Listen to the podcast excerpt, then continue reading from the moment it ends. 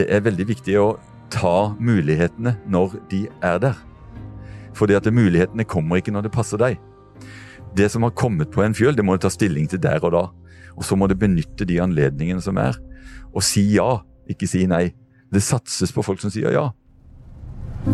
Hva må du egentlig gjøre for å være konkurransedyktig i en tid hvor verden stadig er endring? Du lytter til Næringspodden fra Sparebanken Sør. Her vil du oppleve næringslivet fra innsiden og møte inspirerende mennesker som er med på å utvikle landsdelen vår. Mitt navn er Eivind Håvestad, og med meg i dag òg har jeg Geir Bergskau, administrerende direktør i Sparebanken Sør. Og Geir, det står jo ikke på temaer eh, under denne uka. Nei, øh, i Arendalsuka så står jo temaene i kø, og det er jo veldig mye vi kunne snakket om. Men vi må velge ut noen temaer, og noen spennende temaer. Ja, og så er det sånn at uh, de fleste her kjenner jo du fra akkurat nå. Uh, du jobber med finans, uh, men det kanskje ikke alle vet om, er at du tidligere i din karriere har jobba i Disney. kan du fortelle litt om ditt forhold til opplevelse som næring? Ja, den alle har jo et forhold til opplevelsesnæringen. Jeg har jobbet en kort periode tidlig, veldig tidlig i arbeidskarrieren i i Disney, i Disney World, med, med, et prosjekt for å etablere et norsk senter i Disney World, i Epcot-senteret. Og, og, og, gjennom det så fikk jeg jo også se bak kulissene i Disney, og lært litt om hvordan de tenker med temaparker og opplevelsesindustrien. Og det er jo utrolig spennende. Det er et mye, mye mer faglig tungt uh, opplegg enn det de fleste tror. Uh, og det er jo et en markedsførers paradis å jobbe med opplevelsesnæringen. Uh, og den type parker. Og når vi da snakker om opplevelsesindustrien, så har vi jo da med oss en gjest i dag, Geir. Og, og han kan jo kanskje over gjennomsnittet mye om nettopp opplevelsesindustrien. Uh, Reidar Fuglestad, velkommen til Næringsboden. Takk skal du ha. Du, eh, I går så tok jeg et Google-søk på deg. Ja, Det var spennende, tenker jeg. Vet du hvor mange treff det var? Nei, det skal jeg ikke tenke på. Nei, Det var nemlig 42 000 treff. Oi. Eh, så det sier noe om at du er et relativt kjent navn. Men dette her er jo da en podkast for og av næringslivet i hele regionen. Og det er jo eh, sikkert noen som ikke kjenner til eh, navnet ditt. Og for de som ikke skulle gjøre det, kan du ikke fortelle kort om du og hva du driver med? Jo, i dag så driver jeg rett og slett innenfor kunstbransjen. Jeg driver Sørlandets kunstmuseum og er sjef for det, og skal bygge kunstmuseum av en gammel kornsilo. Og prosjektet heter Kunstsilo. Og, og, akkurat i forhold til dette med kjennskap så var det en litt artig historie. for at uh, I sommer da, så skulle jeg åpne en uh, utstilling ute i Sagesund mellom Tvedestrand og Lynger. Og Der er det et galleri, og de skulle åpne en utstilling med Marianne Heske. og Da var det litt naturlig å kanskje invitere meg til det. Og når jeg skulle åpne den, så så jeg utover forsamlingen. Det var kanskje 150 mennesker. Og, og de, disse her menneskene sier at det, her er det mye turister. Så jeg tenkte at jeg må gå litt ydmykt til verks og si at, eh, hvem jeg var, og, og, at jeg holdt på med, med å bygge dette museum av en kornsilo. Og så spurte jeg er det sånn at dere har hørt om dette. Og jeg tenkte jeg måtte ta det litt fra begynnelsen. Da var det 150 mennesker som bare brast ut i latter. For en idiot som kunne spørre om noe sånt. Dette visste de om, altså.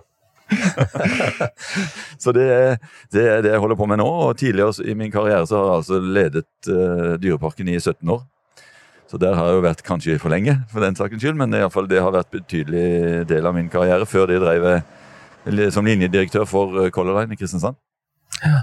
Så jeg har 25 år i, innenfor opplevelsesindustrien, da. Så Reidar, det, er jo, det er jo ingen tvil om at uh, før du trådde inn i, i kulturens rekker, så, så, hadde du jo eh, Så er det ikke det som var din opprinnelige bakgrunn. Eh, selv om jeg vet at du har spilt i band, så du har noen kunstneriske årer. Eh, men det var jo selvfølgelig opplevelsesindustrien. Ja.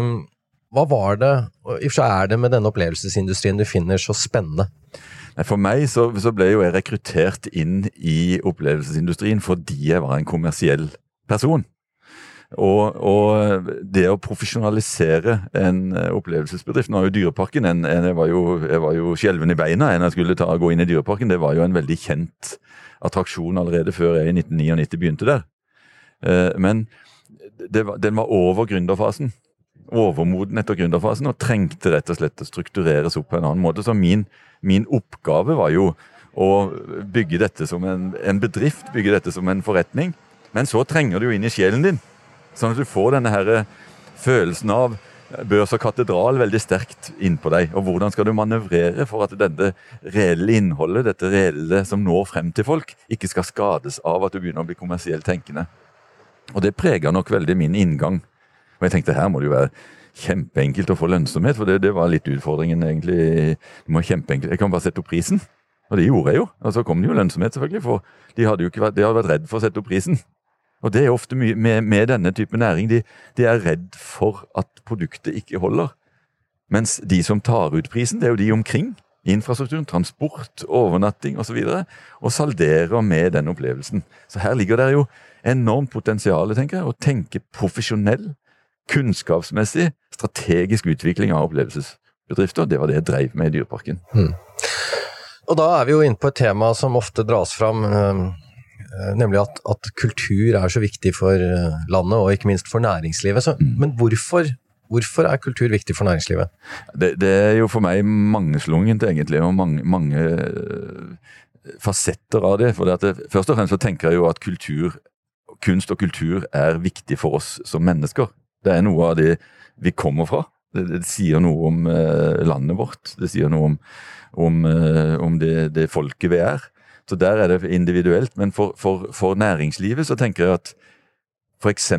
i en region eller i en by hvor det er et rikt kunst- og kulturliv, så er det kanskje faktisk mer lettere å rekruttere folk. Det er kanskje lettere å bosette seg. Det er lettere å bo der fordi at du faktisk har et levende eh, kulturliv å delta i. Så det har så mange fasetter med seg. Og, og jeg tror jo at det er noe med denne friheten til å uttrykke seg som kunstnere og kulturaktører faktisk lever i. Eh, I går var det mye diskusjoner her om ytringsfrihet, hvor, hvor liksom kunsten blir eksemplifisert og brukt veldig i for å vise hva, hva, den, hva slags rolle den spiller i ytringsfrihet. da. For den friheten som de har i uttrykksform, den er også viktig at vi adopterer inn i, inn i næringslivet og, og, kjenner på i, fra sånn som næringslivet, i mye, kanskje mye mer beregnende karakter, eh, er i sine ytringer. Eh, og så er det jo det at visuelle fag, kunstens kompetanse, da, eh, kulturens kompetanse, den tas jo ned i skoleverket, f.eks. Og, og den, det er jo beviselig sammenheng mellom visualitet og evnen til kreativitet, f.eks. Og her er det jo en veldig interessant kombinasjonsbro kompetansemessig, som jeg synes næringslivet har potensial for å bruke mer av. Da. Så Det er jo noen av de fasettene som en kanskje kan se at det er en, er en, eh, en virkning som der ligger potensial i. Men uh, Reidar, du, du, har som du nevnte, jobba 17 år med Dyreparken. Og ja. vært med på en formidabel utvikling ja. eh, der. Um, hvordan var overgangen fra, fra Julius til finkulturen? Den var jo bråkete. Uh, ingen hadde jo noe særlig tro på at jeg kunne gjøre en jobb i forhold til denne kultur, kunst- og kulturbransjen. Og, og Morgenbladet skrev jo når jeg fikk denne jobben, så skrev jo Julius til siloen. Så det var jo en anerkjennelse av min kompetanse. Nå er det riktignok å tilføre at, at uh, apene, sjimpansene og orangutangene har en uh, intelligens uh, som tilsvarer ca. 97% av menneskets. Så det er jo ikke helt galt. Det er omtrent som en nordmann på en lørdagskveld. Så, så sånn sett så, så, var det jo noe i det, da.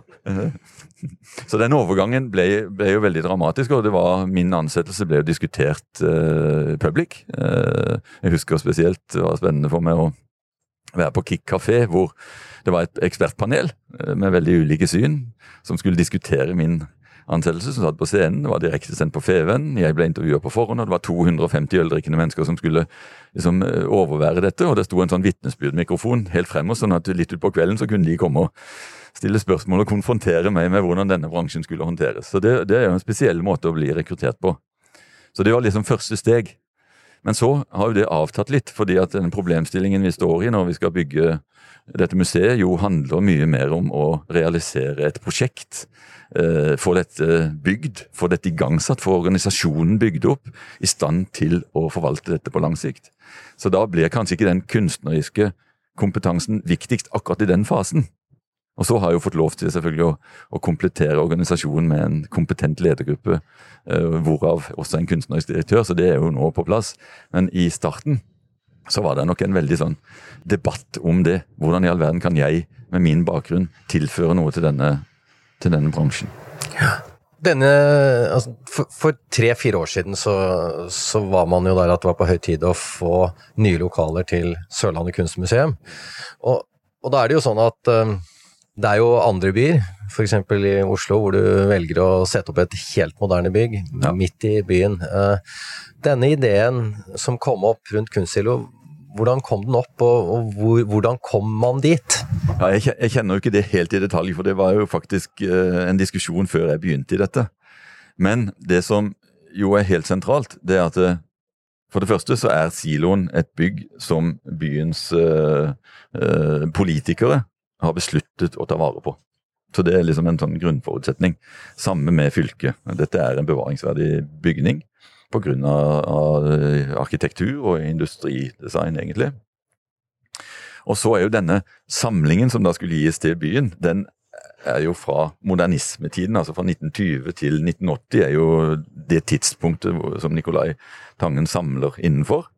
Og så er denne siloen bygget i 1935.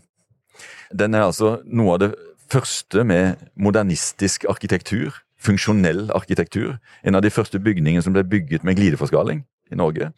Og originaltegningene til denne, det er jo Korsmo og Aasland som har tegnet denne her. Originaltegningene er på Nasjonalmuseet. Så vi må altså låne de hvis jeg skal stille de ut.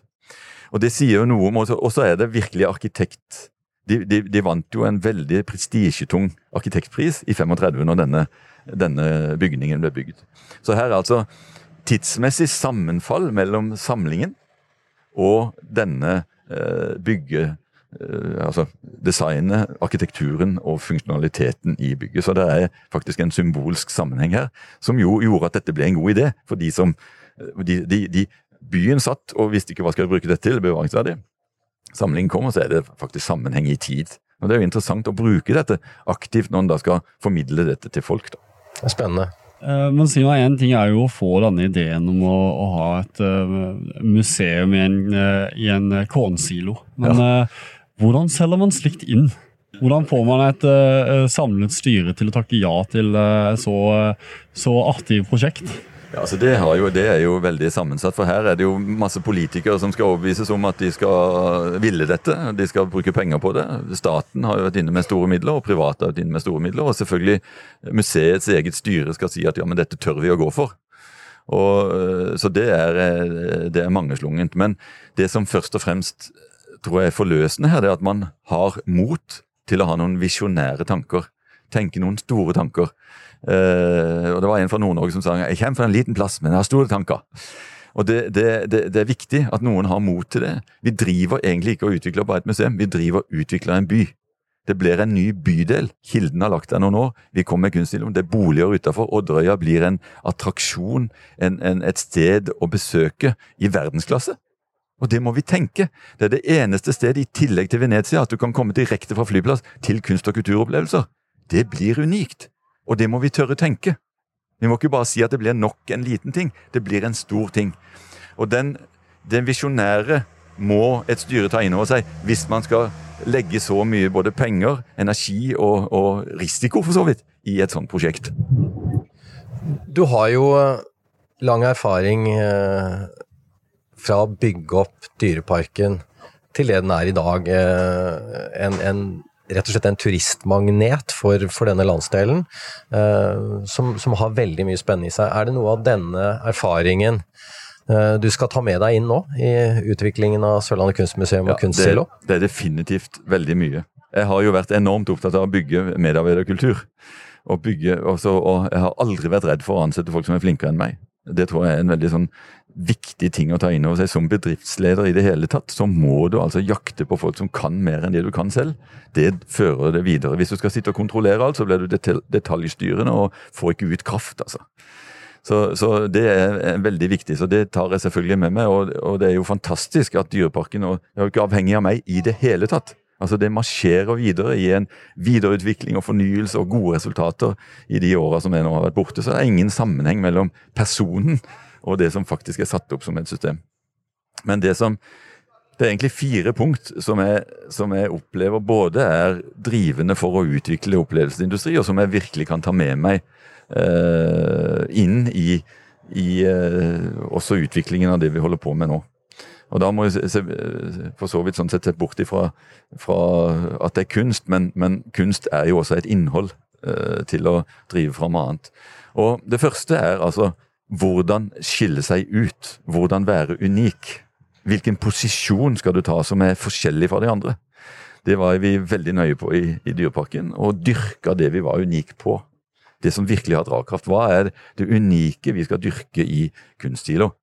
Det er en veldig viktig erfaring å ta med seg, og, og være bevisst på det. For ellers er jo alle like, hvis ikke vi faktisk klarer å, å skille oss ut. Eh, det andre er at vi må altså prestere hver eneste dag, sånn at folk kommer igjen og igjen å få lyst til å komme tilbake. Og bygge en medarbeiderkultur som er interessert i publikum. Som virkelig har lyst til at det skal komme gjester. Ikke sant? Ikke besøkende eller pax, som en del sier. Passasjerer, ikke sant? Ja, passasjerer, det var jo tungt i Color Line tid. Å endre passasjerer til gjest. En, for når du sier du har gjester, så har du plutselig en annen holdning til de menneskene. Så det å prestere mot gjestene, sånn at de har lyst til å komme tilbake, det er liksom den andre delen. Og så er det punkt tre. Kontinuerlig forbedring, videreutvikling og nyutvikling. Til enhver tid må du fornye deg for å være interessant. Og det siste er altså samhandling. Du må samarbeide med de riktige. Du må ville samarbeide. Du må unne andre suksess. Du må være i en klynge, et nettverk, nasjonalt, internasjonalt, lokalt, regionalt. Det er også veldig viktig. Og de sterkeste må by mest på seg sjøl hvis du skal få et nettverk til å fungere. Så bra. Eh, jeg har også lest at du ønsker å gjøre kunst tilgjengelig for folket. Hva legger du i det? Nei, det, Jeg føler jo at kunstbransjen og kulturbransjen til dels, kanskje mest kunstmuseer, og den eh, er veldig utilgjengelig. Man husker på at det er bare 40% av befolkningen som faktisk besøker museer, 60 gjør det ikke. Og jeg tror nok kanskje at en del føler seg nesten dummere når de har vært på et museum enn når de kom. Fordi at kommunikasjonen, formidlingen, er en sånn har en tendens til å bli veldig faglig, eh, og veldig sterk faglig, selvfølgelig, men en terskel for folk å forstå. Så et av, et av, slagordene som vi har hatt, det er jo rett og slett at kunsten til folk og folket til kunsten. At det skal prege hvordan vi tenker. At vi vil nå fram til flere. At vi vil senke terskelen, invitere og inkludere. Åpne opp, slippe folk til. Og, og la det være en del av vår strategi. Og da tenker jeg det handler mye om formidling. Det handler mye om hvordan vi snakker om dette. Hvordan vi blir aktuelle og relevant. Det er også en grunn til at vi samarbeider med Sparebanken Sør har noen egne debatter i Arendalsuka. Fordi at vi ønsker å sette opp aktualitet og relevans til folks liv, og hvordan kan kunsten møte det. Og der, der sliter nok bransjen. Kunsthistorikerne blir veldig spesialister, snakker sitt språk, og det er ikke alltid det når frem. I hvert fall ikke til nye publikumsgrupper og de som ikke har interessert seg fra før. Så her har vi en kjempestor oppgave som bransje, og definitivt som, som museum for vår del. Har du et konkret tiltak for å senke den terskelen? Ja, det, Der jobber vi med veldig mange tiltak, men annet når vi har utstillingsåpninger, så har jeg jo lyst til at når de som er kunstnerisk ansvarlig for en utstilling, skal snakke til de som er der, så må de altså kunne relatere til noen eksempler som vi skjønner at det er i vårt liv. Og hvordan skal denne kunsten da være relevant å se på? Hva var det som rørte seg i kunstneren når de står overfor aktuelle eh, problemstillinger? Og I den hovedsamlingen vår, som er altså modernismetiden, som jo er eh, mellomkrigstiden og krigstiden, egentlig, så er det jo utrolig mye protest, eh, protestkunst. Og det er jo lett å relatere til dagen i dag. ikke sant? Det er mye, mye frustrasjon som uttrykkes. og hvordan, Hvilke frustrasjoner var det? Hva mente kunstnerne egentlig? Og hadde et, jeg hadde et forløsende møte med performancekunstner som vi har herifra. Vi hadde et videoverk som, eh, som heter eh, Your Last Vacation. Så spurte jeg henne hva var det som inspirerte deg til dette.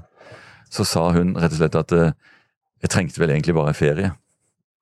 Og det er sånn som forløser og senker terskelen på et kunstverk. Når, når, du har en, en, kunstner som er så stor at de kan uttrekke dette bare helt helt uh, Tori Vånes heter hun, er fra Kristiansand. Ble mottatt som en rockestjerne og kom inn på museet. Det var stappfullt, og alle hadde jubel. Men hun forenklet sin problemstilling fantastisk. Det er å nå fram til folket, tenker jeg. Det er spennende, eh, og ikke minst spennende når du drar fram din egen entusiasme for protestkunstnere. Eh, for dette prosjektet Kunstsilo har jo ikke gått uten protester og sverkslag. Nei, det, Så- det, det er helt sikkert. Ikke sant? Og hva holder, hva holder energien din oppe, og entusiasmen? Nei, altså jeg har, jeg, jeg har veldig glede av å delta i å utvikle Kristiansand. Og det som har inspirert meg veldig i, eh, i dette prosjektet, det er jo at vi altså har en giver av en kunstsamling som har en lidenskap for denne kunsten. Det er inspirerende å jobbe med folk som har en lidenskap for noe, og som faktisk i tillegg til å drive sin finansvirksomhet, har tatt master i kunstfag, tatt master i psykologi, kan mye om dette her. Det smitta veldig over på meg når jeg ble spurt om å ta denne jobben. Og det at vi da i tillegg skulle utvikle Kristiansand til å bli noe mer enn det Kristiansand er, veldig inspirerende. Så det, så det, det holder jo motivasjonen oppe. Og så en, en voldsom tro på at dette er en stor tanke som vi har lyst til å, å få realisert. Og det er klart, til, til en viss grad så øh, Motstand øker jo egentlig lysten til å bevise. Til en viss grad.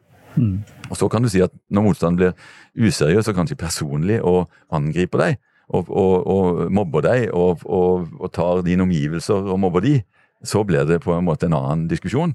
Så det jeg har gjort, det er å ha valgt en strategi som at det Jeg leser ikke dette. Leser, Vi forholder oss til pressen og stiller opp og alt med de, men det, sosiale medier, all mobbingen, alle kommentarfeltene lar rett og slett være å lese. For da bruker jeg jo energien på feil sted, tenker jeg. Så jeg må, jeg må opprettholde min motivasjon. Jeg må opprettholde min energi. Min oppgave er å gjøre dette. Hvis noen bestemmer at vi ikke skal det, så gjør jeg noe annet. Men nå, så lenge det er min oppgave, så er det der jeg skal ha min energi. Og det, hvis ikke jeg som leder kan gå foran der, hvordan skal det da gå med de som er på jobb? ikke sant? Som også må ha en energi. Jeg kan jo ikke skape usikkerheten hos de, så jeg skal i hvert fall være motivert. For å få hele organisasjonen til å dra i den retningen.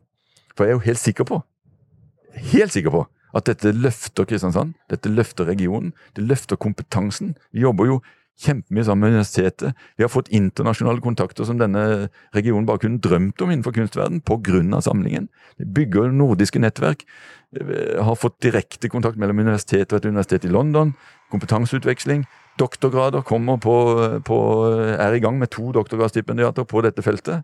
Det er en voldsom utvikling i randsonen av dette som kommer til å bygge regionen sterkere på kunstfag sterkere på kunst- og kulturopplevelser, og et bedre sted å bo, et bedre sted å drive virksomhet, et bedre sted å flytte til, et bedre sted å besøke. Helt sikker er jeg på det, faktisk. Du, um, la oss se litt fremover. Um, Det- det er hånd- godt, altså. Det, ja. Eh, siste hånd på verket er gjort. Kunsten er trygt plassert inne i siloen, og dørene er åpna. Ja. Hvordan få et internasjonalt publikum til å besøke siloen? Ja, det, det, det tror jeg ikke er så øh, kjempeenkelt, men det har vist seg altså at kunst driver fram besøk fra andre land hvis du klarer å treffe i tilstrekkelig grad. Og kunst, en sterk samling, er som valuta. Fordi, og dette, dette kan jo dere noe om, dette med valuta, men det er rett og slett et byttemiddel. Sånn at har vi en sterk samling med hovedverk og unike øh, ting å presentere, så kan vi også bytte til oss fra andre museer eh, store utstillinger. Og vi er jo blitt av nasjonal betydning allerede, både fordi det har blitt mye omtale, men også fordi vi har tatt posisjon på noen verk. Gjerdeløa var jo en sånn ting. Kjøpte Gjerdeløa, det ble plutselig en nasjonal diskusjon. Så det at du får ikoniske verk, det at du har en sterk samling, det gjør at noen ser på deg, også utenifra. Men først og fremst så må jo vi bygge opp et nettverk som gjør at vi får sagt det noen steder. Og at vi får den trafikken, og at vi samhandler med noen som, som også har et internasjonalt appell. Og i, i, vår region i dag så har vi jo det. Vi har sterke historier fra der jeg kommer fra, fra Dyreparken, som også har internasjonal appell. Vi har Under på Lindesnes, som jo har bare pressa seg gjennom i hele verden. De har jo en venteliste så lang som så, så du dør jo av sult før du kommer dit. Så der er jo altså der er noe å bygge internasjonal kulturturisme på fra vårt ståsted. Og da må vi ha mot til å si at Odderøya er det eneste stedet du kan ta ferje direkte fra.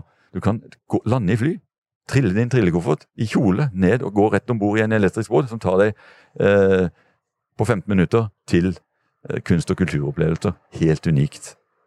Og dette må vi utnytte selvfølgelig for å få internasjonal oppmerksomhet. Du har jo vært mye inne på betydningen av kultur for næringslivet, og du har jo også sagt litt om, om betydningen av kultur for næringslivet i vår landsdel. Men er det andre Dette har jo et veldig bredt perspektiv, masse andre effekter. Altså Det som er utrolig spennende med vårt prosjekt i Kristiansand, er jo at uh, Kulturskolen f.eks. bygges 10 meter fra vårt museum. Og, og, og 20 meter fra Kilden. Så vi får jo altså en tilgang til barn og unge som blir helt unik i, i landssammenheng. Vi utveksler ansatte allerede. Vi kommer til å kunne få en kommunikasjon eh, mot barn og unge som vil forløse dette eh, helt eh, på en kjempefin måte. altså. Og Der ligger jo mye av kimen til også utfordringen for kunst og kultur. For det at de fleste når ikke helt fram til unge.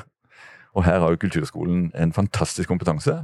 Og de har jo også et volum. Det er 100 000 elever betjent i løpet av et år i, i kulturskolene i vår, i vår, kommune. Så det er jo helt fantastisk. Eh, og Det er en dimensjon som skaper noe, noe helt nytt i dette. her. Og Så var jeg inne på dette kunnskapsmessig mot universitetet, som jo også er en veldig spennende utvikling. Og kanskje så er kunstfag veldig sentralt der, men vi diskuterer jo også uh, Fins det kunnskap å, å utvikle og bygge mellom kunst og helse, mellom kunst og økonomi. Hvilke fremtidige forretningsmodeller er det som gjelder for visuell kunst i framtida? Kommer det til å skje det samme som for musikk? Over på digitalisering. Altså I de broene her så eksisterer det en ny kunnskapsutvikling. Og så har vi jo gjort en intensjonsavtale med Palmesus. Palmesus utvider sitt engasjement til også å ha digital kunst. Veldig spennende. Og Neste år så blir det spennende presentasjon på selve Palmesus. Og Det faglige som satses sammen med Palmesus, da, det vil bygge dette ut til å bli noe helt annet. Og De har satsa på talentfabrikk innenfor digital musikk. Det er også et potensial å satse på innenfor digital kunst. Så der er altså sånne øh, virksomhetsmessige knoppskyting som, som gjør at dette kan bli veldig spennende. Og Da vil også noen se til oss. Og Det er altså en kunnskapsfestival i London Eh, som kommer til Kristiansand september 2020. Og det gjør den pga. Kunststilerprosjektet. Og da vil den Selvfølgelig, da kommer folk reisende til for å se hvilken kunnskap skal vi formidle da. Og Nå står vi jo midt i et under i Arendal, hvor de har klart altså i ti år på rad å samle bare hele nasjonen. Det er jo ingen som ikke er her.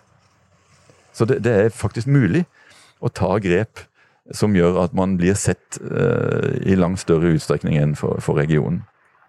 Du eh, har jo så mye ideer at uh, du er jo ganske trygg på at uh, alle kritikerne til dine, din tro på økte besøkstall, det, det har du tenkt å gjøre, til, gjøre deres, uh, deres mistro til skamme? Ja, altså jeg har jo sagt at vårt mål er å få 150 000 besøkende per år. Og jeg har jo forundra meg litt over at, at man så har så vanskelig for å forholde seg til målsettinger. De fleste som jobber, de har jo målsettinger. Og en målsetting er jo ikke noe som er sikkert at du får. Men hvis du setter et høyt mål, så er det ganske sikker på at du kommer ganske nærme det målet hvis du legger til rette aktivitetene som skal til for å få det til.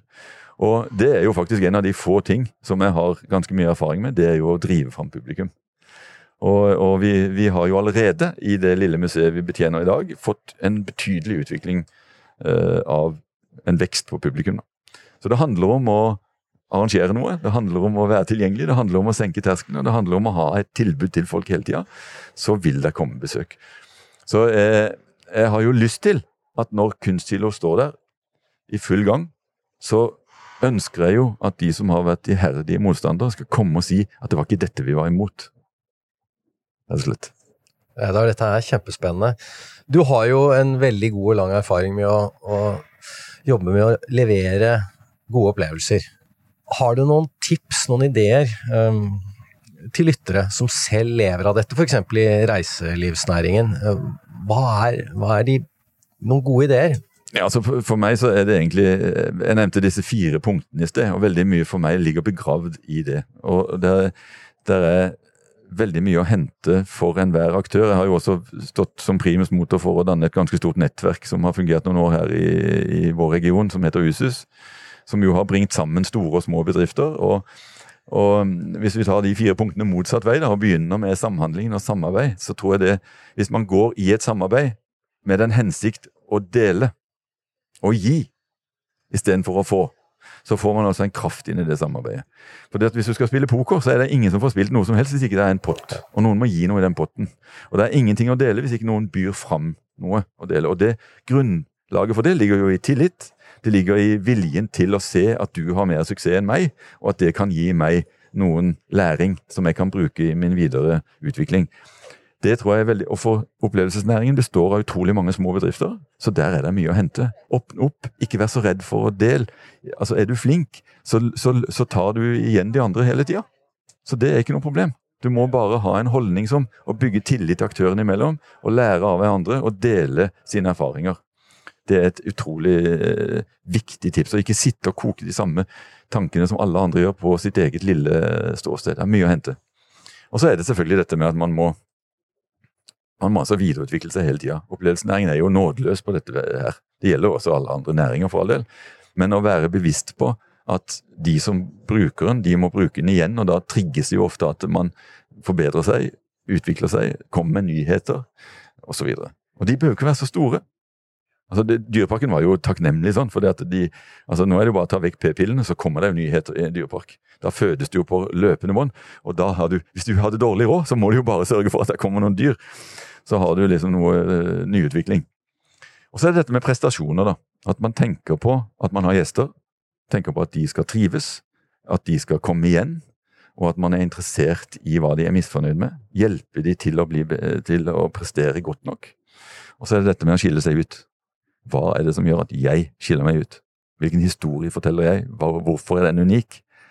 Det er veldig sentralt. Det er hyggeligere å sitte på den steinen kongen satt på, enn den steinen som er ved siden av. Og det, det er eh, Der er det, har alle noe å fortelle. Så den unikheten å skille seg ut, den er også en veldig viktig forutsetning. Og så kan vi jo si til lytterne at uh, dette er jo ikke bare teori. Du har jo som sentral i reiselivsklyngen USUS i de siste årene vært med på en, en flott vekst i, ja. i, reiselivet på Sørlandet. Og, og, det har vært viktig etter nedgangen i oljepris og, og reduksjonen i aktivitet i olje- og offshoresektoren. Så, så, det har vært en, faktisk en stor betydning for landsdelens utvikling at uh, nettopp det samarbeidet du beskriver, uh, har vært til stede og blitt stadig bedre. Ja, det har, det har blomstra rundt uh, at man er villig til å by på seg selv overfor andre. Det gir nye nye virksomheter. Og, Sørlandet er jo kjent for å være flink på klynger. Den nærheten vi har mellom akademia, næringsliv og, og det offentlige, den gjør jo at dette blir veldig bra. Og Node-klyngen og Eide-klyngen og Diggin og Husus Det har jo vært veldig sterke nasjonale eh, fortellersteder, egentlig. Og man, man, ser på Sørlandet som et, et sted hvor klynger er en, en suksessfaktor. Så det, det, er, veldig spennende å tenke de tankene videre, og det, det, det er videreutviklende. Og det, det skaper ny virksomhet. Reidar, om du eh, hadde hatt muligheten til å gå tilbake i tid og gitt deg sjøl et tips, hva hadde det vært? Ja, det, det, er nok antagelig mange ting som jeg kunne ha gjort bedre og på en annen måte. og kanskje i en annen rekkefølge, Men jeg har, jeg har trivdes veldig godt med det jeg har fått, fått anledning til å gjøre. da. Og, og, det som jeg har lyst til, som jeg sa også på UiA når jeg var, holdt en lite innlegg for, for, de som var nå master, levert sin master i, før sommeren, så sa jeg det at det er veldig viktig å ta mulighetene når de er der.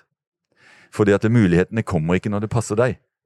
For det er så veldig mange som legger en veldig sånn karriereplan. ikke sant? Om fem år skal jeg det, om ti år skal jeg det, og der skal jeg være. Sånn har mitt liv ikke vært.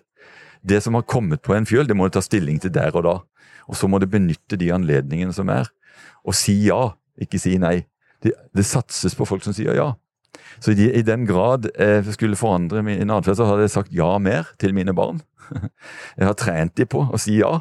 Når de kommer i, i, i, i eh, en jobb, så må de si ja. Fordi at det blir satsa på hvis du sier ja. Du blir ikke satsa på hvis du unnviker den hele tida. Så det er veldig viktig. Og jeg husker når de var i tenåra, så er det jo litt vanskelig når du har barn i tenåra da da sa, det kom jeg til et punkt, og så sa jeg at nå, er, eh, nå syns jeg at eh, jeg ligger veldig godt an på ja. Så nå må vi få snudd denne gjennomsnitten. For det er, altså, det er lett for å bli mye, for, mye, for, mye, nei når du begynner å spørre om tjenester fra, fra barna. ikke sant? Så denne, denne balansen er viktig å, å ha. Men, men i, mitt, i, min, i, min, karriere så er det helt sikkert mye jeg kunne ha, kunne ha gjort annerledes. Og det som, det som kanskje er viktig som leder, det er også det å ha mot til å spørre sine rundt seg om hva man faktisk kan bli bedre på. Så jeg hadde en god mentor en gang og sa til meg at jeg er veldig takknemlig for ros og anerkjennelse, men, eh, men eh, der hvor jeg har negativ virkning på andre, det hadde vært veldig fint å få vite. For når jeg har negativ virkning på andre, så suger jo jeg motivasjon for andre. Og det hender kanskje at jeg har hatt negativ virkning på andre. Det skulle jeg ønske at jeg hadde visst, for det er jo ikke hensikten. Det er ubevisst. Så det å, å ha mot til å jakte på, på, egne forbedringspunkter, ha en treningsplan for seg selv, der kunne sikkert vært bedre og fått mer ut av det, kanskje. Riktig. Vi begynner å nærme oss uh, slutten av denne episoden, men uh, helt til sist så har vi et spørsmål vi stiller alle som er på gjester i denne podden, Geir. Og det er uh, hva er det som gir deg næring og inspirasjon? Ja, det er veldig mye. Først og fremst så ble jeg veldig inspirert av folk som har lidenskap for noe, som jeg var inne på i sted. Det, det, det å brenne for noe, det er folk som er entusiastiske og som, som, som har mot og visjonære og tør å prøve. Det er veldig inspirerende. De gir også energi til å, å prøve. Og så er, så er jeg veldig glad i litt fysisk aktivitet for meg. Hvis jeg kan padle en tur, f.eks., så gir det meg også ro og inspirasjon. og Jeg ser, og jeg liker å padle istedenfor ro, for da ser jeg hvor jeg skal, ikke hvor jeg kommer fra. Så det er også en sånn veldig ja, artig ting. Og så er jeg veldig glad i fjellet. Eh, så en del sånne refleksjonssteder gir meg også inspirasjon. Men andre som får ting til, det gir også mot til at jeg tror at jeg kan også få ting til. Det er veldig inspirerende, syns jeg. Du, jeg tror eh, vi takker deg for eh, praten, Reidar. Dette var interessant. Det, var det ikke det? Dette var spennende og veldig bra. Veldig hyggelig å være her. Flott. Takk skal du ha. Takk skal du ha. Du lyttet nettopp til Næringspodden av Sparebanken Sør. For flere episoder, gå inn på sor.no. slash podden. Her kan du gi ris eller ros, samt tips til andre næringsdrivende vi bør intervjue.